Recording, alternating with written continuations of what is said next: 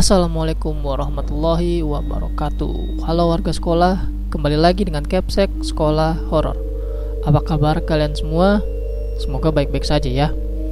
Di kisah horor kali ini Capsek akan menceritakan Cerita dari seseorang yang tinggal di Kalimantan. Cerita ini berjudul Dikirimin sebelum orang meninggal. Cerita ini bersumber dari akun Twitter at arhcyll1720 underscore. Ini agak sulit bacanya ya. Mohon maaf. Sebelum kalian mendengarkan cerita ini, Capsek akan berterima kasih untuk like, share, dan komen kalian di video ini. Lanjut saja, saatnya kelas dimulai.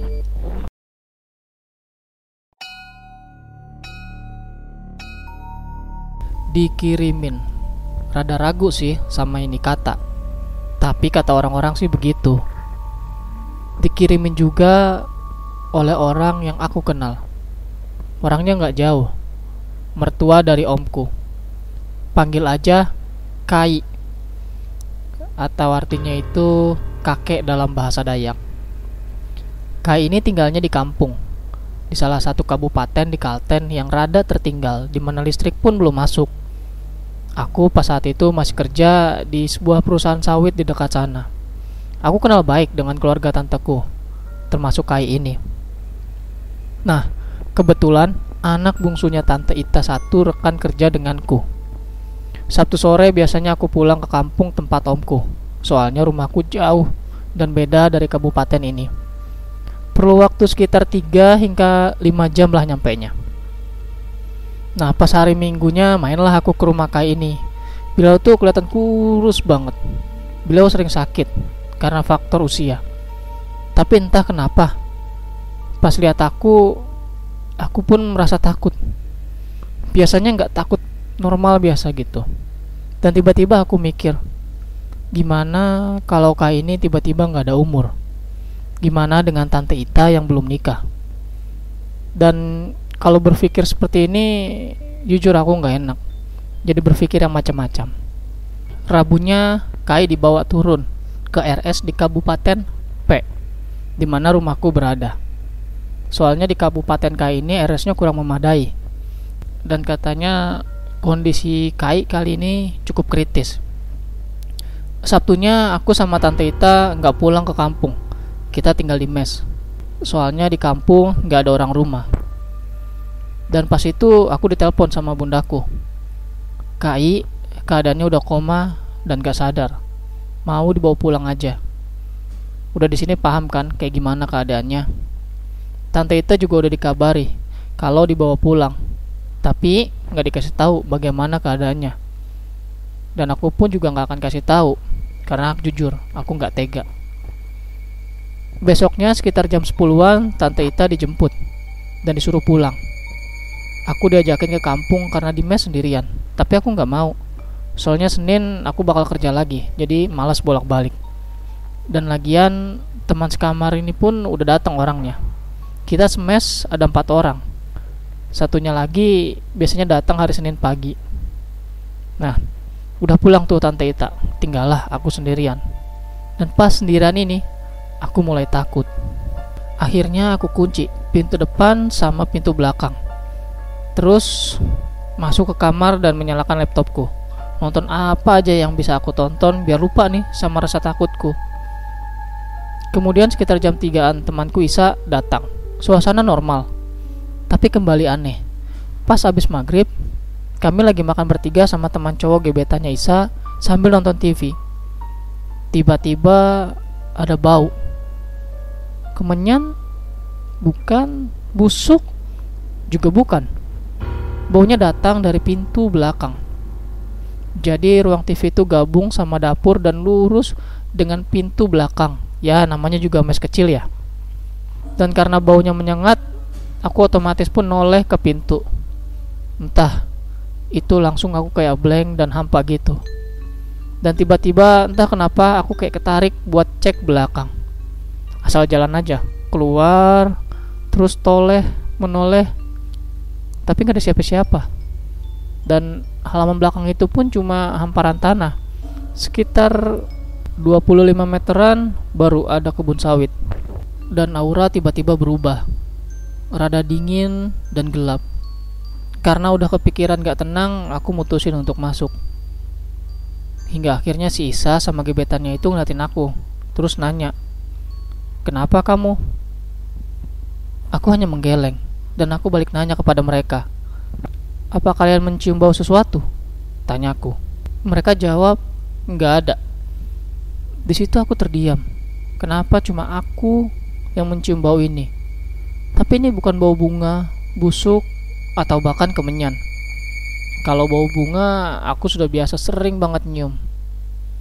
Tapi ini baru pertama kalinya aku nyium. Agak sedikit wangi dan lebih menyengat baunya. Dan aku ngerasa ini ada orang yang lagi ngeliatin dari pintu. Karena tahu aku ngerasa aneh, Isa pun jadi takut.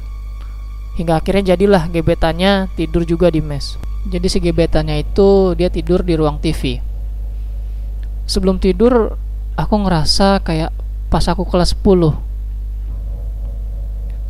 kayak diteror kayak lagi ada yang ngawasin seakan-akan kayak banyak mata yang memandang aku jadi kayak ngerasa nggak aman gitu. Terus aku baca-baca doa tapi berat. Hingga hasil aku ngidupin mp3 surat yasin di laptopku. Itu komodo ulang. Dan aku pun juga udah minta izin sama Isa yang di mana dia itu adalah seorang Katolik. Dan Isa yang rada takut pun juga setuju buat ngidupin laptop. Katanya biar setan pada lari. Kupikir akan tertidur dengan tenang. Tapi nggak seperti itu aku kayak ada di posisi setengah sadar dan setengah tidur. Dalam mimpi itu kulihat Kai sama tante Ita dan keluarga omku. Gak ingat persisnya tapi itu yang kulihat dan dalam mimpi aku masih kayak ketakutan. Sampai akhirnya jam 3an aku bangun. Ternyata ada 20 panggilan terjawab. Apa aku tidurnya kayak orang mati sampai gak denger bunyi telepon? Tapi nggak juga lah tapi memang HP ku ku silent kalau lagi tidur soalnya di kamar nggak sendiri takut teman-teman keganggu dan 20 panggilan itu ternyata dari Tante Ita semua Terus ada pesan juga dari Tante Ita yang isinya memberi kabar kalau Kai sudah meninggal dunia. Dan suruh aku izin turun ke kampung buat pemakaman. Di sini aku otomatis nangis dan tangisku membuat Isa terbangun. Dia bingung dan bertanya. Karena aku tipikal orang yang nangis gak bakal bisa ngomong. Aku langsung kasih HP dan aku buat dia baca. Sekitar kurang lebih jam 4 kami keluar menuju mes asistenku. Di situ yang minta izin Isa karena aku masih gak kuat untuk ngomong.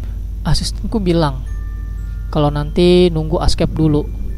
Hingga nggak lama kemudian asisten ngumpul dan askep juga ada. Biasa sih kalau di sawitan itu subuh biasanya para asisten sama askep selalu ngumpul buat bahas RKH tiap afdeling. Setelah Askep tahu, dia manggil salah satu satpam yang jaga di mes dan nyuruh nganter aku ke kampung. Nanti asisten sama Askep nyusul katanya. Jadilah aku diantar sama satpam ini. Masih gelap. Lewat sawitan juga yang mana jalannya nggak bisa dibilang bagus. Untung aja nggak habis hujan. Karena kalau habis hujan, selamat dah, otomatis licin jalannya. Pas udah masuk kampung, aku diem lagi. Ngerasa kayak ada yang ngeliatin dari samping jalan. Tapi aku coba positif. 10 meter dari rumah Tante Ita, aku turun dari motor. Soalnya banyak orang. Hingga baru aja turun, tiba-tiba bau yang semalam kecium lagi. Aku sempat ngelamun pas nyium bau ini. Sampai si satpam nyapa. Dia mau langsung pulang. Karena akan ada apel pagi ini. Semakin aku melangkah ke rumah, Semakin pula baunya kerasa banget di hidung. Sampai akhirnya aku naik ke rumah Tante Ita. Dan pas di pintu aku mendapati kayu dibakar dengan daun jeruk nipis dalam wadah. Ternyata bau yang kucium waktu itu adalah bau bakaran kayu dan daun jeruk nipis. Oh ya, rumah di kampung ini rata-rata masih panggung gitu, ala-ala rumah Kalimantan.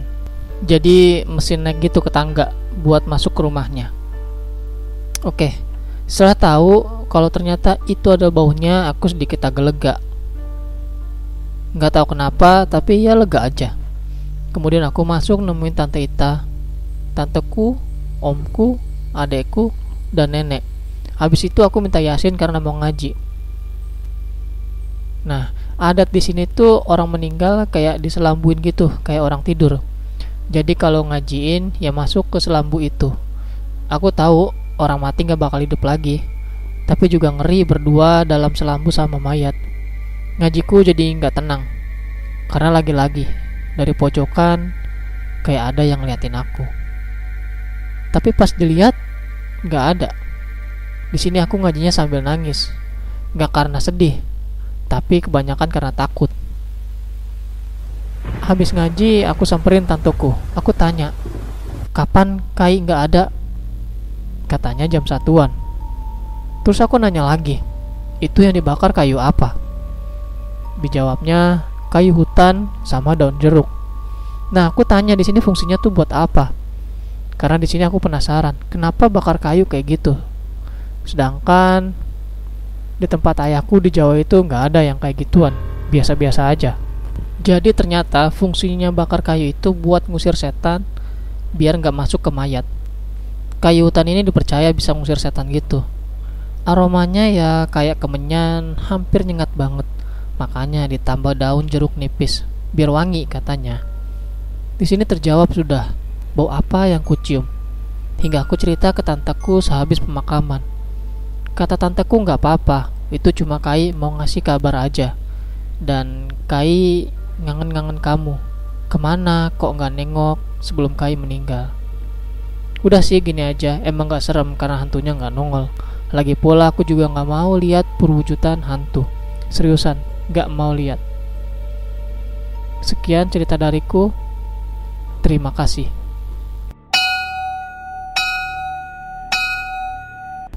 Nah, itu dia cerita mengenai dikirimin sebelum orang meninggal menurut kalian nih apakah wangi-wangi yang tercium itu benar menandakan bahwa dia telah dikunjungi oleh sosok kakeknya yang telah meninggal. Wallahu alam ya, hanya Allah yang tahu. Terima kasih buat kalian warga sekolah yang telah mendengarkan cerita ini dan tentunya terima kasih juga kepada akun Twitter @arhcyll1720 underscore yang telah memberikan kami izin untuk membacakan cerita ini. Jangan lupa like dan share video ini agar warga sekolah horor semakin bertambah. Dan sampai jumpa di kelas berikutnya. Assalamualaikum warahmatullahi wabarakatuh.